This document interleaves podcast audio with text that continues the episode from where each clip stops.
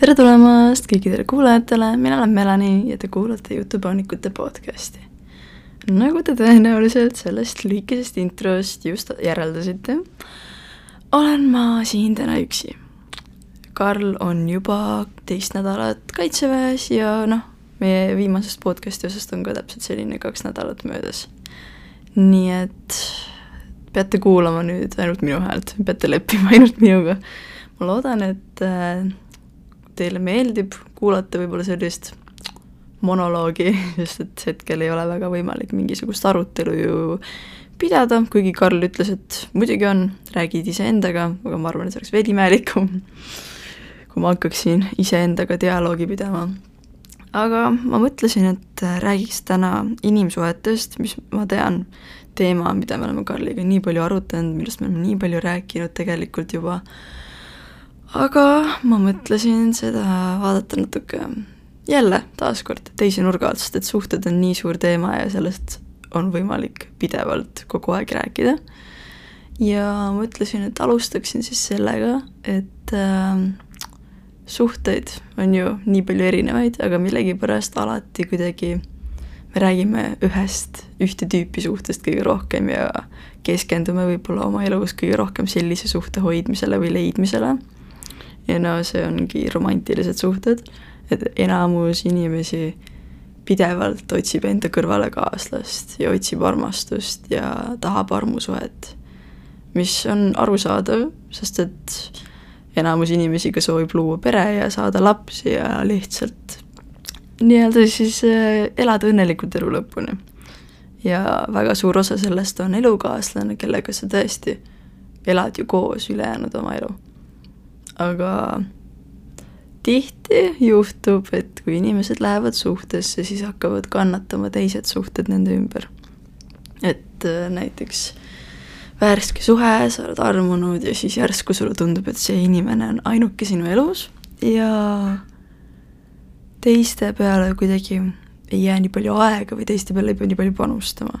mis tegelikult on ju väga vale, sest et olgem ausad, kõik äh, inimesed, noh, kes sinu elus on, vajavad sinu tähelepanu ja tahavad sinuga nagu aega veeta, on ju. nii et äh, tuleb kuidagi leida aega kõigile, et väga tihti tehaksegi seda, et äh, tahetakse ju kogu aeg olla ainult oma partneriga ja siis teha kõike koos ja siis sõbrad kuidagi jäävad unarusse.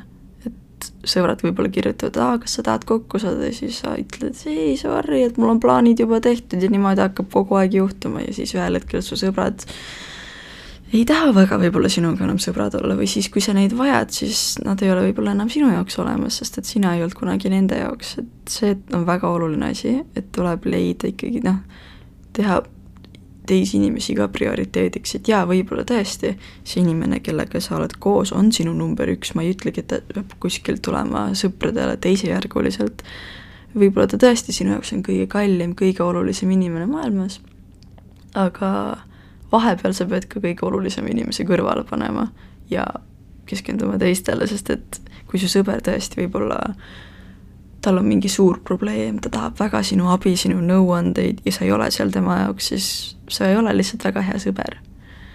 Noh, ja lihtsalt üleüldiselt kvaliteetaeg peab olema ka sõpradega, mitte ainult su partneriga, esiteks juba sellepärast, et siis sa oled vahepeal ka ümbritsetud teistest arvamustest ja arusaamadest kui sinu partneril, on ju, et võib-olla muidu te hakkate väga ühtemoodi mõtlema ja siis ühel hetkel te olete nagu väga identsed, mis ei ole iseenesest halb asi, aga lihtsalt nii võib väga kergesti kaotada ära iseennast sa suhtes üritad olla keegi näiteks, kes äh, ei ole võib-olla sada protsenti sinulik, võib-olla see tekib sul alateadlikult, lihtsalt ongi sellepärast, et sa oled ümbritsetud kogu aeg ühest inimesest, ühest arusaamast, ühest arvamusest, elust ja see hakkab sulle endale külge jääma. aga kui me suhtleme võimalikult paljude erinevate inimestega, kellel on erinevad arusaamad, siis tihti me suudame ikkagi jääda enda arvamusele kindlaks, sest me kuuleme nagunii nii palju erinevaid, et me teame, et see ei ole see, millega ma nõustun, sellega ma jällegi nõustun väga, et noh, sellised, sellised väiksed asjad, et nagu noh, kui meie Karliga läksime alguses suhtesse, siis kooli vahetundides väga tihti äh, poisid, kes tahtsid temaga minna ma ei tea, vahetunnis Rimisse või kafeinist kohvi ostma, siis ta kutsus mind kaasa, siis ma ütlesin talle, et kas sa oled kindel, et äkki nad no just tahavad nagu, et ainult sina tuleksid, äkki nad ei taha iga kord, et su tüdruk kaasas jõlgub kõrval, on ju. et äh, ma seekord ei tule, mine nagu lihtsalt poistega. ja siis mõni teine kord Karl ütles ikka, et ei, ei, ei, et kellelgi pole mingit probleemi, tule ikka ja noh, ta palus nii palju, siis ma tulin, on ju. aga noh, väike joogipaus aga noh, selles suhtes vahepeal ongi võib-olla partner ei pane tähele, aga sa pead ikkagi nagu neid piire seadma ja sa pead saama vahel aru, et tema võib-olla tahab väga sinuga aega veeta, aga no ta sõbrad tahavad ka. ja mitte ainult sõbrad, samamoodi on ka ju perega. et äh, see on teine asi, mis väga tihti juhtub. eriti võib-olla siis, kui kolitakse kokku ja siis ei elata enam pere juures.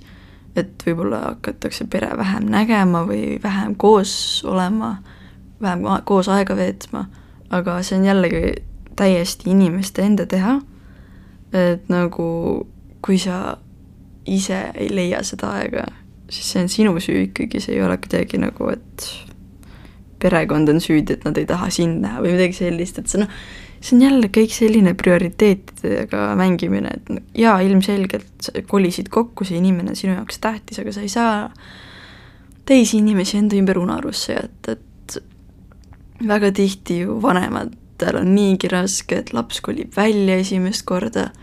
Ja kui see laps on siis veel suhtes ka, et siis see võib tõsiselt keeruline olla.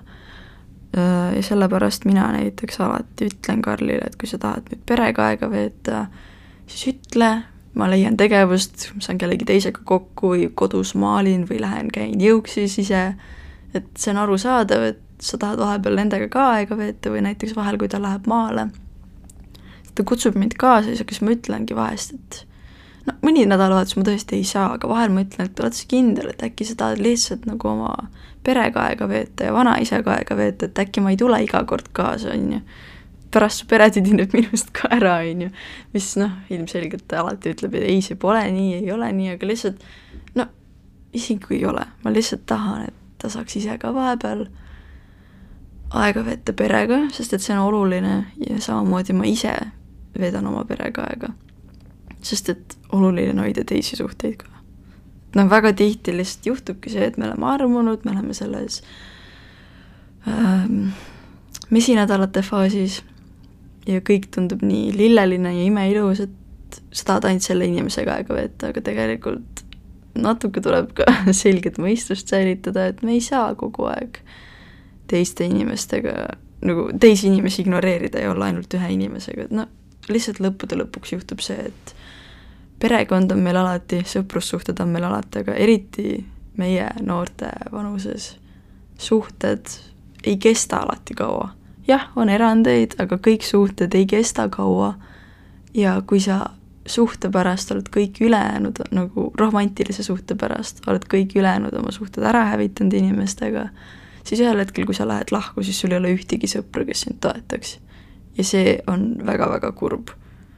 ja no okei okay,, pereliikmed on sul ikka alles ja nemad tõenäoliselt andestavad sulle mingil määral, võib-olla andestavad olenevalt sinu pereliikmetest, aga lihtsalt sa ise kahjustad oma suhteid, nii et tee prioriteete, vahepeal jäta oma partner tagaplaanile, sea keegi teine ettepoole ja lihtsalt panusta teistesse suhetesse ka.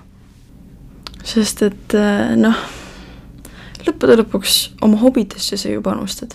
isegi kui sa lähed suhtesse, sa ikka tahad teha neid asju, mis sulle meeldivad, kui sulle meeldis fotograafia, sa ikka tahad käia pildistamas, meeldib vibu laskmine, lähed ikka, tahad tegeleda sellega, meeldib joonistamine, proovid ikka leida aega selle jaoks. samamoodi suhte kõrvalt peaksid sa leidma aega, et teiste inimestega enda elus rääkida, kokku saada ja sa ei pea alati niimoodi, et sa jätad oma partneri täielikult välja, sa võid teha asju seltskonnaga, tema sõbrad, sinu sõbrad, kui te saate läbi, kui on ühtne seltskond isegi, siis on eriti tore me käisime niimoodi näiteks põgenemistoas, oli väga vinge. et nagu te ei pea isegi jätma partnerit tegevustest välja, lihtsalt te peate, peaksite kaasama ka teisi inimesi. et ka nemad tunneksid ennast teie poolt armastatuna ja et te hoolite neist, et ei ole neid ära unustanud siis kohe, kui te suhtesse läksite. aga liigume sellest edasi. teine asi, mida ma tahtsin rääkida suhete teemal, on avatus. ja mida ma sel ajal mõtlen, on see, et äh, kust tuleneb see, et mingite inimestega me tahame rohkem rääkida, mingite inimestega vähem, mingite inimestega me jagame rohkem asju oma elust, teiste inimestega mitte nii palju, et noh, me kõik teame seda küsimust, kuidas sul läheb. ja kuidagi väga ühtselt meile kellelegi ei meeldi see küsimus. et no kuidas sa vastad sellele, et kui inimene küsib, kuidas sul läheb, kui seda küsib su parim sõber, võib-olla sa tõesti, sa vastad ausalt. mul ei lähe praegu kõige paremini. mul on täna halb tuju, mul ei läinud trennis hästi või ma ei tea, ma olen mitu päeva magamata, mul on meeletu stress. aga kui keegi koolis küsib, õpetaja, kuidas sul läheb? sa ei ütle ju ausalt seda või ütled? minu arvates küll mitte. mina ei ütleks. ma ütleks, mul läheb hästi sest et see inimene ei pea teadma mu elulugu, ma ei pea talle rääkima kõike. noh, ilmselgelt selles olustikus on arusaadav, aga oleneb ka võib-olla peredünaamikast. et kui mul on tükk aega raske olnud ja näiteks vaatame, et meil ei ole nii suur kontrast, et õpilane või et parim sõber ja õpetaja, oletame, et ema küsib või isa küsib, kuidas sul läheb. aga ma vastaks ik-, vastaksin ikka, et hästi sest ma ei taha olla koorem, ma ei taha öelda nüüd, et kõik on halvasti. et jaa, ma tean, te olete mulle andnud nii palju võimalusi ja otseselt nagu midagi valesti ei ole, aga äkki mul täna, täna ei ole hästi. Sest et tihti juhtub see, ma arvan, miks me väldime seda vastamist. kaks varianti, kui sa vastad hästi ja inimest ei huvita, siis tal on suva ta on nagu okei okay,, super, väga tore. kui inimest huvitab, siis ta on ikka samamoodi super, väga tore, et sul läheb hästi, rõõm kuulda. aga kui sa vastad, et sul läheb halvasti ja inimest ei huvita, siis ta üritab kuidagi teemast kõrvale minna, ta tegelikult ei tahtnud seda vastust teada, nii et miks ta üldse küsis. Ja kui inimene hoolib, siis ta küsib, et aa, miks sul läheb halvasti, tahad sa sellest rääkida, aga võib-olla see on viimane asi, mis sa teha tahad, võib-olla sa ei taha rääkida sellest, võib-olla sa tahad just sellest probleemist üle saada. Nii et noh, ma ei tea, minule isiklikult see küsimus üldse ei meeldi, kuidas sul läheb, sest ma ei oska kunagi vastata sellele, ma vastan alati hästi või normaalselt, noh kui ma vastan normaalselt, siis tõesti ongi olnud täiesti tavaline päev, mitte midagi pole toimunud, lähebki normaalselt. Miks mul nagu peaks minema imeliselt või super hästi, kui mitte midagi otseselt toimunud ei ole. ei, käisin koolis, käisin tööl, mitte midagi pole toimunud, okei okay.. aga jah, see on selline huvitav küsimus, et küsitakse nii palju ja ma arvan, et sellisena üheksakümmend protsenti juhtudest keegi ei vasta ausalt sellele, aga üleüldiselt, kui me tahame rääkida oma muredest näiteks või tahame rääkida oma rõõmudest, kelle poole me pöördume, mina isiklikult kaks varianti, kas Karl või mu parim sõbranna. ja ma ei tea, võib-olla rõõmudest veidi perele ka kui on midagi nagu ikka väga lahedat juhtunud, siis ma lähen oma vanematele ka ja räägin neile. aga muredest, muredest ma ikkagi kipun rääkima kõige rohkem ikkagi Karlile. Ja kui ma tunnen, et ma ei taha teda koormata, siis, aga mul on vaja kellegiga rääkida, siis oma parimale sõbrannale. et nagu see ongi see, kus tuleb mängu jällegi see suhete teema, et kes on, või see ei ole isegi minu arust tegelikult, kes on olulisem vaid see on lihtsalt, et keda sa sellel hetkel kõige rohkem vajad. ja alati see ei ole su partner ja see ei ole halb asi. sest et vahel on lihtsalt, su sõber on sinuga rohkem läbi teinud, ta on võib-olla rohkem näinud sinu erinevaid külgi, ta saab paremini aru, eriti kui on uus suhe. ja siis sa validki vahepeal parima sõbra enne ja räägid talle oma muredest. mingis olukorras jälle su partner ongi su parim sõber ja sa räägidki kõike temale aga noh, väga tihti minu arust perekondades ongi see, et vanematega ei taheta muredest rääkida ja ma hakkasin ükspäev mõtlema, et huvitav, miks see võib nii olla. ja no ma leidsin päris mitu põhjust, mis võivad siis seda põhjustada, miks inimesed või noh, miks noored ei taha oma vanematega oma muredest rääkida mm,? Esimene, ma arvan, et ongi see, et lihtsalt vanusevahe on üpris suur võrreldes sellega, kui sa rääkisid ikkagi enda vanusega. et lihtsalt väga tihti meie generatsiooni nimetatakse lumehelvesteks, et me teeme igast asjast suure probleemi, teeme sääsest elevandi me ei mõista päriselu, me pole raskeid aegu läbi elanudki, et me teeme igast väiksest asjast probleemi. ja kuna öeldakse niimoodi, siis kaob võib-olla tahtmine ära rääkida, sest et sa tunned, et seda nagu ei mõisteta nii väga, ja võib-olla sinu vanemad pole kunagi seda öelnud sulle, aga lihtsalt sa kuuled seda vanemalt generatsioonilt ja sa ei taha sellepärast, sest sa kardad, et äkki sinu vanemad mõtleksid samamoodi eriti ma arvan vaimse tervise osas. et ma olen nii palju kuulnud erinevatelt sõpradelt, kes on rääkinud oma vanematega, kas on rääkinud ärevusest või on rääkinud, et nad tunnevad, et neil on depressioon või on rääkinud, et nad tahavad minna psühholoogi juurde. ja siis vanemad ei mõista seda. sa lihtsalt, ma ei tea, siis kohe tuleb suvi, et vaata siis rahulikult, äkki läheb üle või ma ei tea, käi rohkem õues, tee rohkem trenni, et sa istud liiga palju toas, sa oled liiga palju telefonis, sellepärast on sul need mured. et sul ei ole tegelikult mitte midagi, see on lihtsalt mingisugune trend praegu, et kõik, kõikidel on depressioon, et siis sa tahad, sul oleks ka. aga uskuge mind, mitte keegi ei taha, et tal oleks depressioon.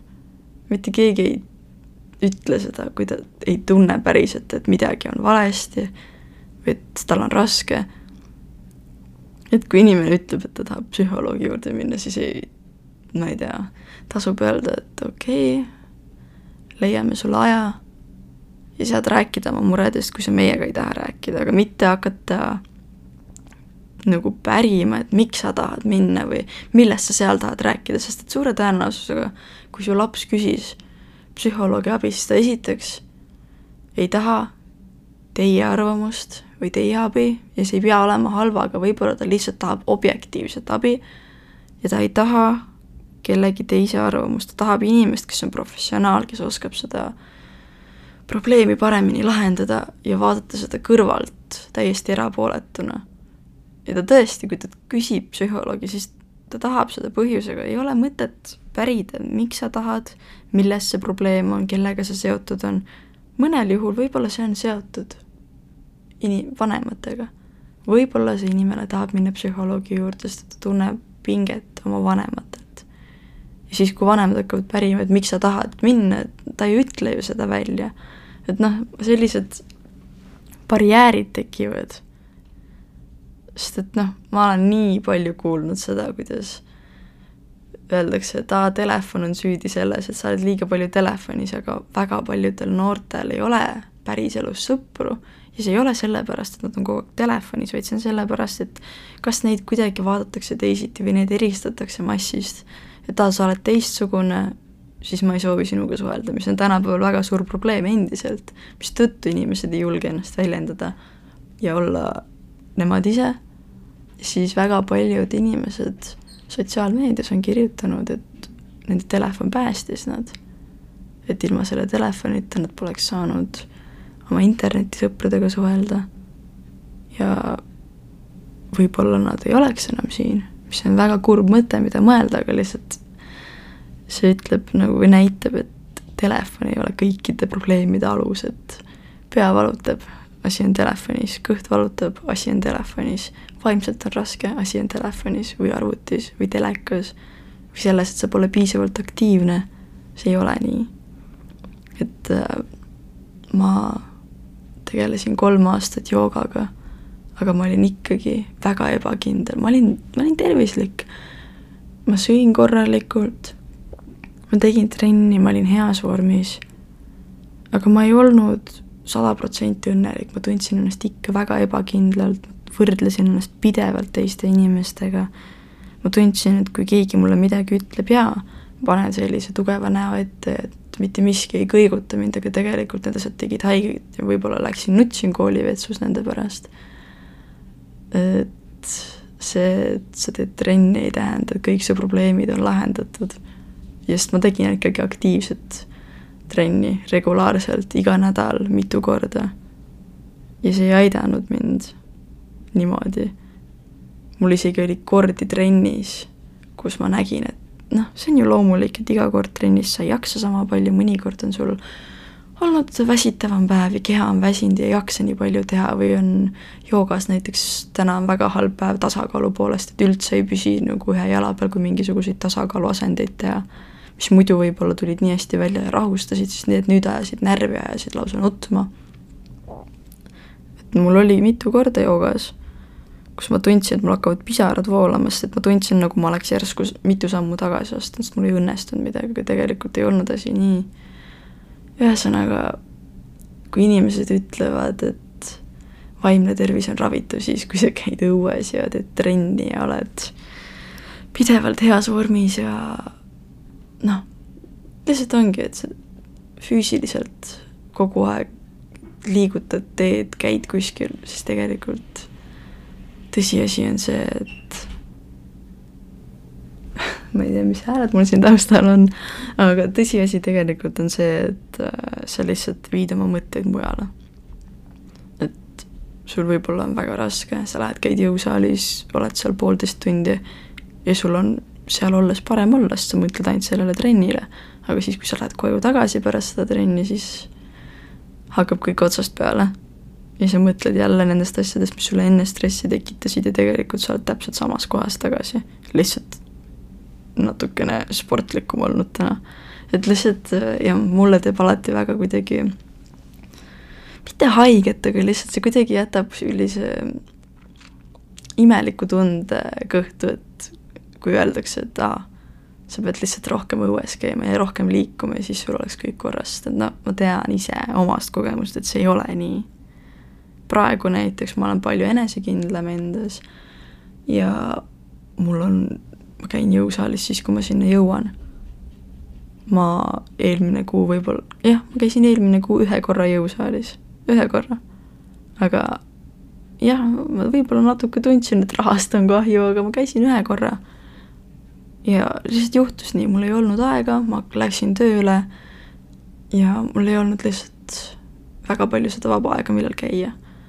Ja see on okei okay ja mul ei, mul on vaimselt praegu lihtsam, aga see ei ole sellepärast, et ma ei tea, ma tegin kunagi nii palju trenni, see on sellepärast, et ma tegelesin oma vaimse tervisega ja üritasin asjadest jagu saada ja üritan endiselt.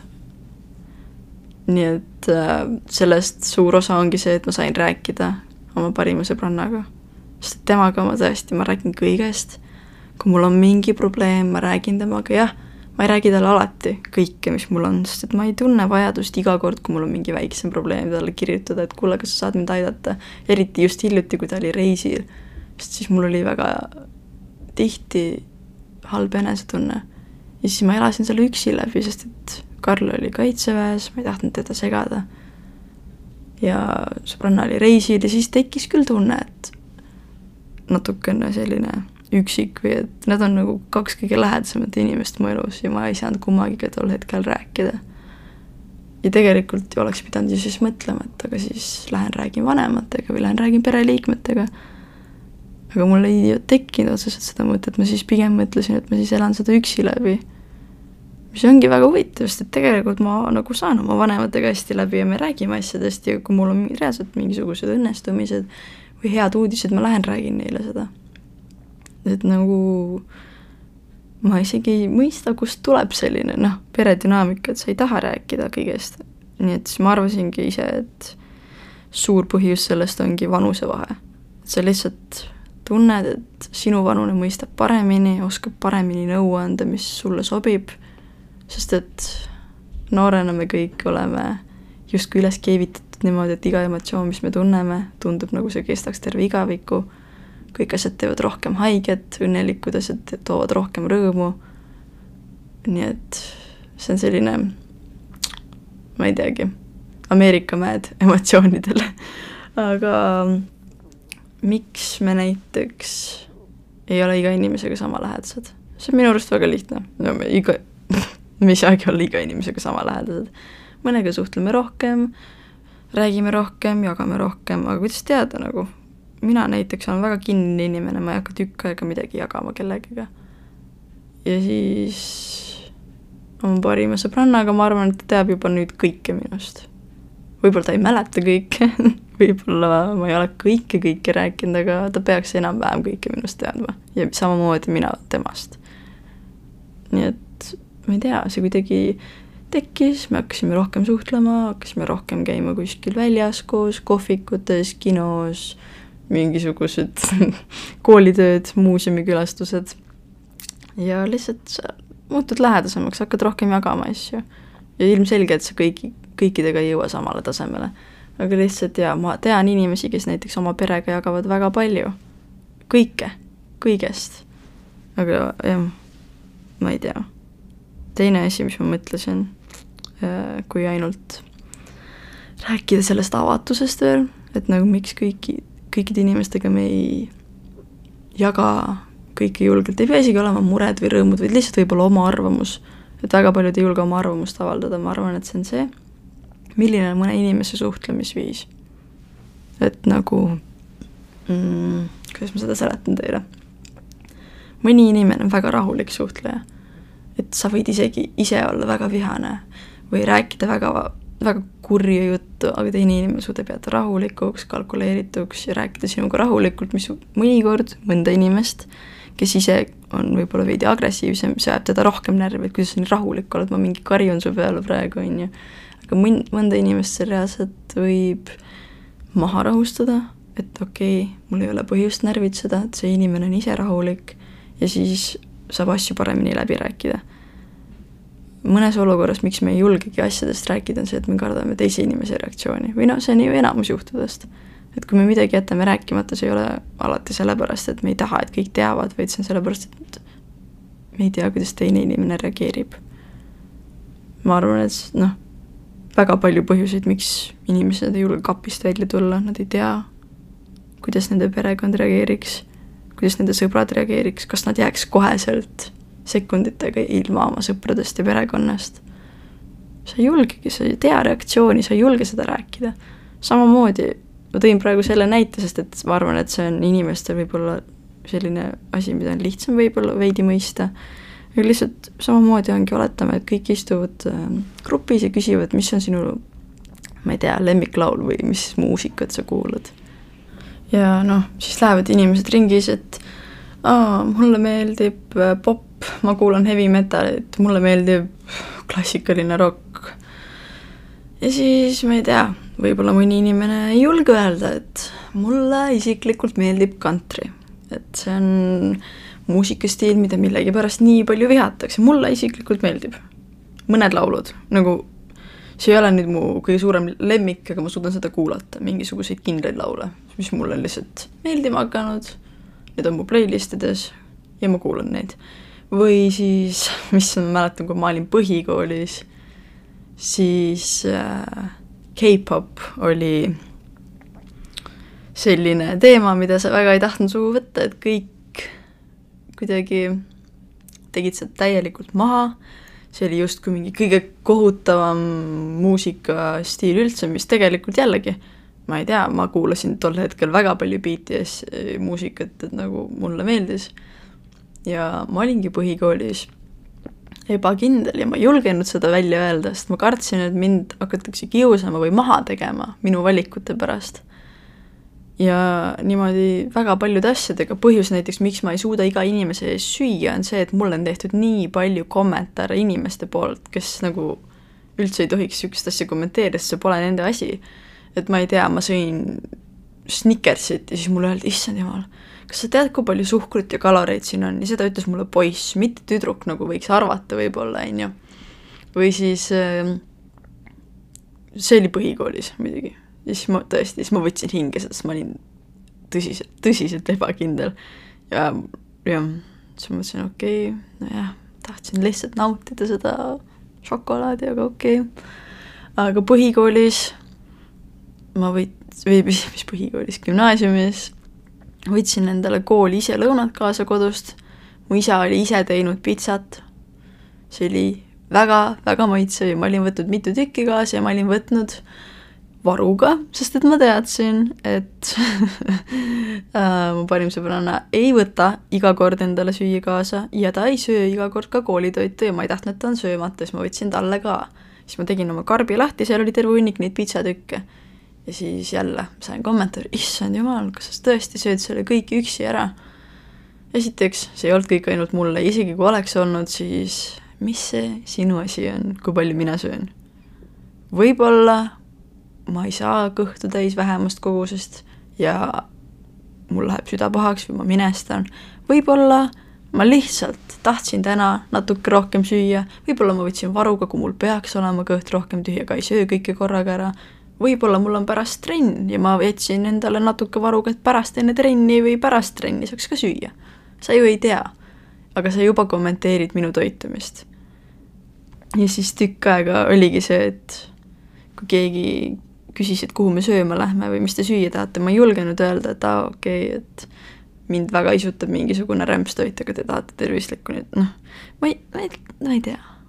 lihtsalt sellised asjad, kui inimesed kommenteerivad kas või ühe korra midagi, siis see muudab väga palju teisi inimesi jaoks, ta ei taha enam sellest rääkida, ta ei julge sellest enam rääkida ja siis juhtubki see, et me muutume hästi kinniseks ja me ei taha avaldada oma arvamust, me ei taha võib-olla näidata oma tõelist stiili, oma tõelist muusikamaitset, me ei taha olla meie ise.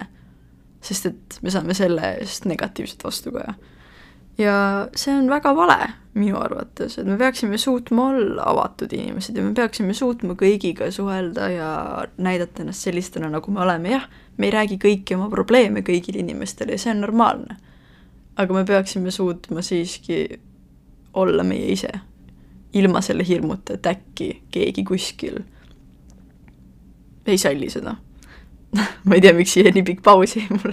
Aju natukene jooksis kokku, aga no mina näiteks olen õppinud elama selle mõttega, et äh, ma ei saa kunagi kõigile meeldida. et äh, alati on kuskil keegi, kes vihkab mu häält või kuidas ma räägin või võib-olla te hetkel, teile käib võib-olla väga närvidele, kuidas mu mõtted võib-olla ei jookse kõige loogilisemas järjestuses või ma teengi neid mingi pikki pause. võib-olla see teid häirib väga hullult, kedagi teist mitte. võib-olla kedagi häirib, kuidas ma riides käin või mis värvi mu juuksed on. kellelegi ei meeldi, ma ei tea, mis tööd ma teen või mis koolis ma käin mind ei huvita need asjad, sest et ne-, nemad ei ela seda elu, mina elan, need on asjad, mis teevad minust minu ja ma ei saa kunagi kellelegi, nagu ma ei saa kunagi kõigile, ma ei saa kunagi kellelegi meeldida. appi! okei okay,, ma tahtsin öelda, ma ei saa kunagi kõigile meeldida.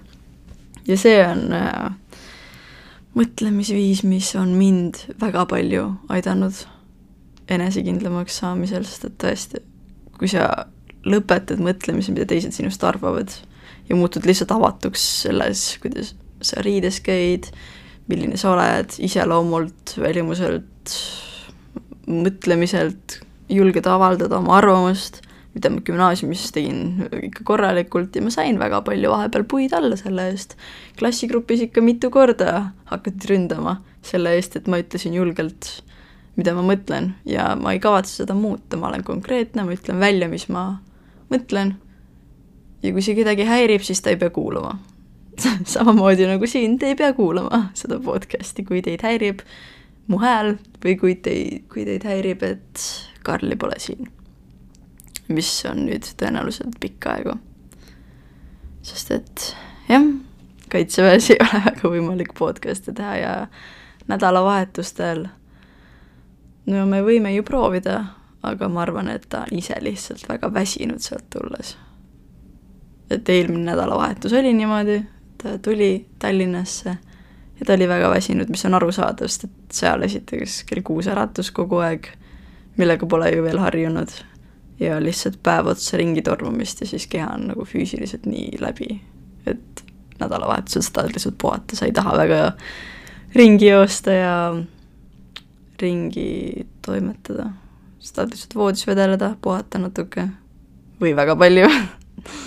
Aga suhete teemal me, või noh, selle avatusega seoses ma hakkasingi rääkima erinevatest suhtlemistüüpidest, et inimesed, kes on rahulikud ja kalkuleeritud, inimesed, kes ärrituvad väga kergesti, siis see mõjutab ka väga palju, kuidas me suhtleme, kellega me suhtleme, keda me valime enda ümbrusesse. et ma mingites olukordades olen see inimene, kes ärritub kergesti ja ma üritan ise seda arendada, et see ei oleks nii. Ja üritan muuta oma mõtlemist, et iga asi ei ajaks mind nii hullult endast välja või et ma ei ärrituks nii kergesti mingisuguste asjade peale, sest et lõppude lõpuks see reaktsioon teisel inimesel alati ei pruugi midagi teha.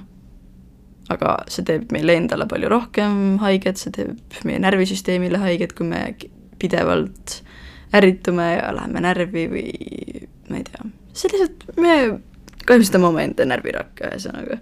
nii et see on asi, mida arendada, ma arvan aga mis veel mõjutab suhtlemist või seda, kellega me otsustame suhelda, kellega me otsustame oma muresid jagada, et äh, üks asi näiteks minu arvates on see, et kui me üritame rääkida oma murest ja siis inimene hakkab koheselt meid ennast süüdistama, et noh, oletame, et ma räägingi, et ma olen täna nii väsinud ja ma tahaks hakata kohe nagu edasi rääkima või põhjendama, et miks ma olen, aga inimene ei oska kuulata ja siis miks sa nii väsinud oled?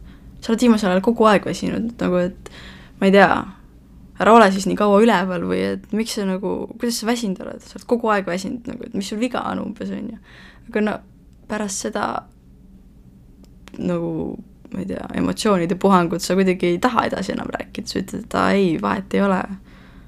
Lähen varem magama siis täna ja kõik, on ju aga tegelikult võib-olla sa oleksid tahtnud edasi rääkida, et ma olen vaimselt nii kurnatud, et ma tunnen, et ma ei jaksa enam voodist tõusta või et kõik asjad on muutunud nii raskeks ja ma ei taha trenni minna või et ma ei taha välja minna sõpradega või ma tunnen, et ma lihtsalt ei jaksa enam.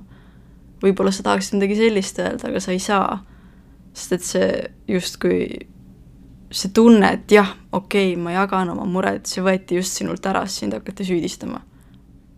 Et nagu mina näiteks üritan väga selliseid inimesi vältida, see ei mõju hästi, sa üritad jagada oma muret ja siis teine inimene arvab, et ta teab seda sinust paremini, ilma et ta on sind üldse kuulanud. teine asi, inimesed ei usu sind, põhikoolis ma kuulsin, noh, koridoris vahetunnis seistes kuulsin kahe mingi äh, tüdruku vestlust ja nad rääkisid, et äh, huvitav, et miks inimesed ei räägi, kui neil on depressioon või mured või söömishäire või lihtsalt sundmõtted, võib-olla suitsiidsed mõtted. et miks nad ei räägi sellest ja siis nad rääkisid edasi ja arutlesid ja siis ütlesid, et issand jumal, see tüdruk seal on ju, et ta, ta teeb kõike tähelepanu jaoks, et vaata, tal on käte peal äh, armid, et ta tahab lihtsalt tähelepanu ja siis ma mõtlesin sellel hetkel, et näete, see siin, see, mis te just tegite, on põhjus, miks inimesed ei räägi sellest.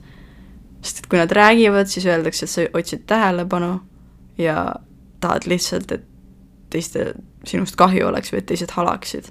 et no see ongi ju põhjus, miks inimesed ei räägi midagi, sest nad kardavad, et inimesed ei usu neid või ongi, et sa oled lihtsalt lumehelbeke või et tee rohkem trenni või et äh, ma ei tea, tihti öeldakse, et inimesed, kes on kõige kurvemad, ei räägi sellest või inimesed, kes on kõige rohkem katki, üritavad kõige rohkem nagu teisi parandada või teisi aidata. see tihti ongi nii ja sellepärast ei usutagi inimesi, kes räägivad nii tihti. tänapäeval õnneks ma arvan, et see on juba muutunud, põhikoolis kolm aastat tagasi räägiti endiselt sellist juttu, mis oli tõesti minu arvates südantlõhestav, et sa küsid, miks inimesed ei tule rääkima ja siis järgmisel hetkel sa ütled, et aa ah,, ta teeb seda tähelepanu nimel. no siis sa ju ei usu, et tal on midagi valesti, sa ütled, et ta teeb seda tähelepanu jaoks. nii et noh ma arvan, et see on üks põhjus, miks inimesed ei taha rääkida, et üks ongi siis, et hakatakse koheselt süüdistama, teine on see, et sind ei usuta. Ja ma arvan, et võib-olla, kuidas ma nüüd ütlen, kolmas asi on see, et ei osata kuulata sind. et sa hakkad midagi rääkima ja inimene juba sellel ajal, kui sa räägid, mõtleb kuidagi, nagu mõtleb peas vastust. aga nii ei tohiks kuulata teist inimest, me peaksime kuulama mitte kavatsusega vastata, vaid kavatsusega mõista. et kui inimene meiega räägib, me lihtsalt kuulame, me ei pea mitte midagi vastama alguses. me peame lihtsalt kuulama ära, mis ta räägib ja aru saama, mis ta meile räägib. et kui tõesti inimene räägib sulle, et sa kuulad ära ainult need sõnad, ma olen nii väsinud ja juba sa mõtled vastuse, mida sellele vastata, aga sa ei kuula edasi, mis ta räägib sulle. võib-olla ta ütleb ridade vahelt sulle, et kuule, et mul on depressioon, mul on väga raske praegu ja ma tahaks lihtsalt väga, et keegi mind aitaks. aga sa ei kuule seda. sest et sa keskendusid terveks sellele, et talle midagi vastata. Et see on jälle üks asi, mida nagu ei tohiks teha, sest see inimesed sulguvad, nad ei julge enam oma asjadest rääkida, nad ei taha enam oma probleemidest rääkida, samamoodi rõõmudega on üks asi, miks alati inimesed ei jaga seda on kadedus. kui sa lähed ikkagi oma sõbra juurde ja räägid, et oh my god, vaata, ma sain sinna ülikooli sisse, aga tema näiteks ei saanud ja siis ta solvub või ei räägi sinuga või muutub kadedaks, et ah, miks sa mulle seda ütlesid, umbes, et mina ei saanud sisse, siis mida sa mu ees eputad sellega, on ju. et noh, see sõber tõenäoliselt ei tahtnud sinu ees eputada ja tal päriselt on kahju, et sa ei saanud ülikooli sisse see aasta, aga ta tahtis lihtsalt enda rõõmu sinuga jagada ja siis sa reageerid niimoodi ja see jälle kahjustab teie suhet ja järgmine kord ta ei taha võib-olla oma rõõmudest sinuga rääkida. Et ei ole vaja sellist konkureerimist ka, et oletame, et sa lähed oma partneri juurde, ütled, et vaata, ma sain ametikõrgendust, ja siis ta tunneb ennast nüüd kuidagi ohustatuna, et võib-olla nüüd ta teenib vähem kui sina või ta nüüd on halvem kui sina ja siis ta tegelikult ei ole sinu üle õnne, õnnelik. et need on, ma arvan, kõige suuremad põhjused, miks inimesed ei ole kõigiga avatud ja ei taha kõigiga rääkida ja no viimane, ma arvan, kõige loogilisem põhjus on see, et lihtsalt sa ei tea, kes noh, kui sa inimesega pole väga lähedane, isegi siis, sa ei tea, kes võib kunagi võib-olla sulle midagi halba teha. ja sa ei räägi kõikidele oma nõrkustest, sa ei räägi oma vaenlastele oma nõrkustest, muidugi noh, ideaalses maailmas meil poleks kellelgi vaenlasi aga lihtsalt kui sa klassis ikkagi mõne inimesega üldse läbi ei saa või sul on keegi klassis või lennus või koolis, tööl, trennis, mingi inimene, keda sa üldse ei salli, sa ikka ei lähe, ma arvan, tema juurde rääkima kõiki oma probleeme, sest ühel hetkel ta saab rääkida kõigile, ta saab kuidagi teha sulle midagi halba selle informatsiooniga, mis ta sai, ilmselgelt see enda huvide pärast ei räägi kõigile kõike. Ja see on arusaadav. aga lihtsalt jah, ma ei tea, võib-olla see podcast tuli loogiline, võib-olla ei tulnud, ma pole päris kindel. tegin kuidagi enda jaoks loogiliseks selle ma loodan, et äh, teile meeldis, ma lõpetan kuidagi väga järsult selle praegu, aga lihtsalt mul ei tule hetkel rohkem pähe midagi, mida rääkida. ma arvan, et ma sain selle, mis ma enamjaolt rääkida tahtsin, räägitud. tahtsin väga lihtsalt keskenduda sellele, et miks me osade inimestega räägime vabalt ja teistega mitte nii vabalt, miks me oleme avatud rohkem ühele-kahele inimesele kui tervele seltskonnale ja ma arvan, et me saime enam-vähem sellest aru siin koos. et oih, vabandust, ma lõin vastu mikrijuhet just. Ma ei tea, kui kuulda see oli teile, aga ma ei tea, ma proovin järgmine nädal uuesti. Ja äkki ma olen siis veidi rohkem harjunud selle mõttega, et Karl ei ole siin kõrval arutlemas ja ma suudan oma mõtteid paremini sorteerida. ma loodan, et teil oli siiski põnev kuulamine ja ma loodan, et te tulete järgmine nädal tagasi ja ma luban, et järgmine nädal ma olen organiseeritum ja ei ole selline all over the place podcast, võib-olla mu mõtted vahepeal jooksid kokku ja ei tulnud selgelt välja, sellisel juhul ma proovin paremini aga tänaseks vist on siis kõik. tšau!